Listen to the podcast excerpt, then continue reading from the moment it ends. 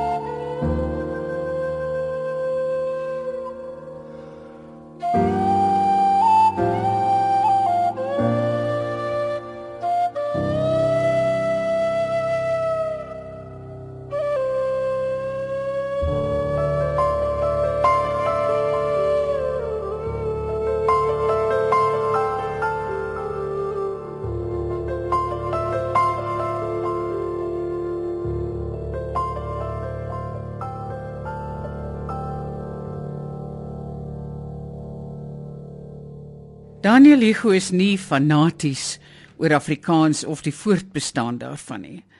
Maar luister weer eens na die slot van die volgende vers. In 'n meelkus het my stamvader uit Frankryk gevlug om wit soos 'n lijk sy bestemming te bereik. Maar lustige die protestant die lewe bewaar sodat na 300 jaar 'n vrou kan baar. 'n Broeiende revolusie dwing my om te skryf oor die brose kus van my vrou se lyf. Want vir my kind is nêrens 'n toevlugsoord in 'n sterwende taal moet ek sy bestaan verwoord. Ons gaan nou luister hoe Marco van der Kolf vir ons die vers grafskrif lees. 'n Mens wonder of dit die grafskrif is wat Hugo vir homself sou skryf of verwag iemand anders sou skryf. Lewenslank is hy deur vroue gepla. Die eerste een wat hom met die liefde ontstel het, was sy jong en sagte ma. Die dae van meisies op skool daarna het hom genadeloos gekwel. Omdat hy gevrees het, kyk hy skelm, weet sy pa. Veelste jonk en te jag sit hy getrou. Desperaat het hy gedag, haar teruggetrok en hy sal hom kuis help hou. Op 30 onkeerbaar word hy ontrou en ervaar veel ekstase, veel verdriet van 'n donkerblond en verbode vrou. Sy lewe lank is hy deur al gepla. Sy ondergang die onverklaarde vrou.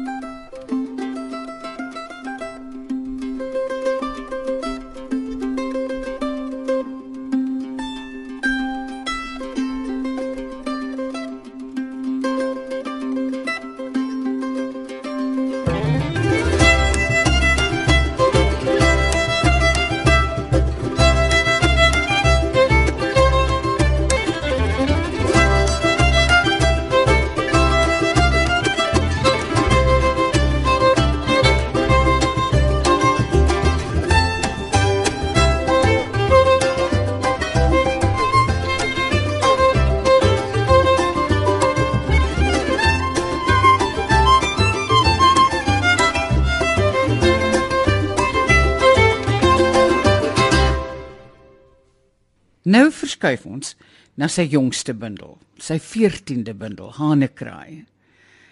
In Hugo se wêreld is dit ook op persoonlike vlak 'n nuwe seisoen. Luister na Kante kleur. As ek in die nag wakker lê, voel dit asof die tyd gaan staan. My hart is 'n gravitasiekolk waarin die laaste vonk verslaan. Eeue later kraai die aan wat kant en klaar verkondig. Die môre ster flonker erns in hierdie verdomde donker. Die nag is eindeloos lank, sonder sterre, sonder maan. Die gedig wat met hane kraai ontstaan, skitter kortstondig. Dan kom die son opgedaag. Die rooi vos wat die haan verjaag. Die sonnet is 'n geliefde vorm vir hierdie digter wat lettergrepe tel en baie vormvas is. Hier is die sonnet Jurassic Park weer met die speelsheid wat ons van hom verwag. In die tyd van die pterodaktiel was alles so heerlik onsubtiel. Die diere was enorm en wreed. Die aarde ene storm en kreet. Op 'n dag kom 'n meteoriet wat alles in 'n moer inskiet. Maar daardie helse apokalips was net 'n ligte kosmiese glips. Want daar is 'n groter ramp wat wag. Homo sapiens en nageslag wat die aarde finaal gaan opvolk van Washington tot Vladivostok. Ek verlang na die pterodaktiel van voor die selektiewe missiel. Daniel Hugo het in Suid-Afrika en Namibië groot geword. In Afrika, my Afrika, vertel hy wat hy as die grootste irritasies ervaar. Afrika, my Afrika. 1. Vergeet van sprinkane en droogte, paalstorms en meteoriete. Dit is die klein irritasies wat my radeloos maak. Vliee, vloeie, muskiete. 2. Die muskiet prospekteer met sy boorstallasie op die vlakte van my vel. Hy soek die minerale in my are. 3. Die vervlakste ratse vloeie is 'n springhaas op die Karoo veld van my koei. In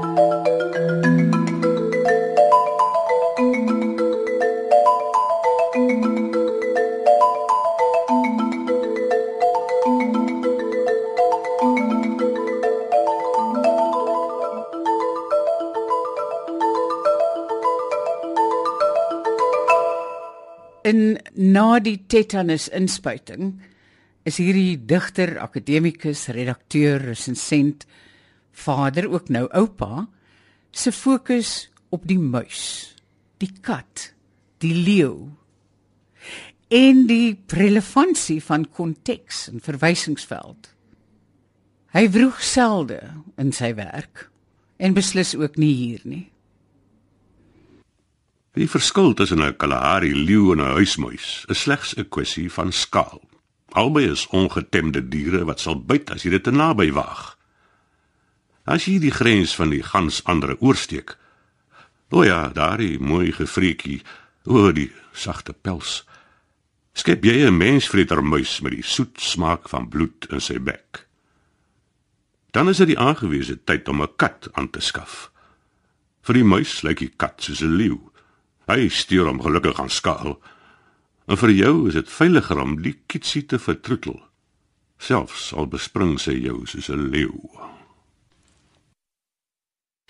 In drie luik kom sy fyn waarneming ook of miskien veral van die natuur tevore in die volgende kwatryne. Lugspieël. Die hitte golwe op die horison. Na die springbok onderste bo vlug.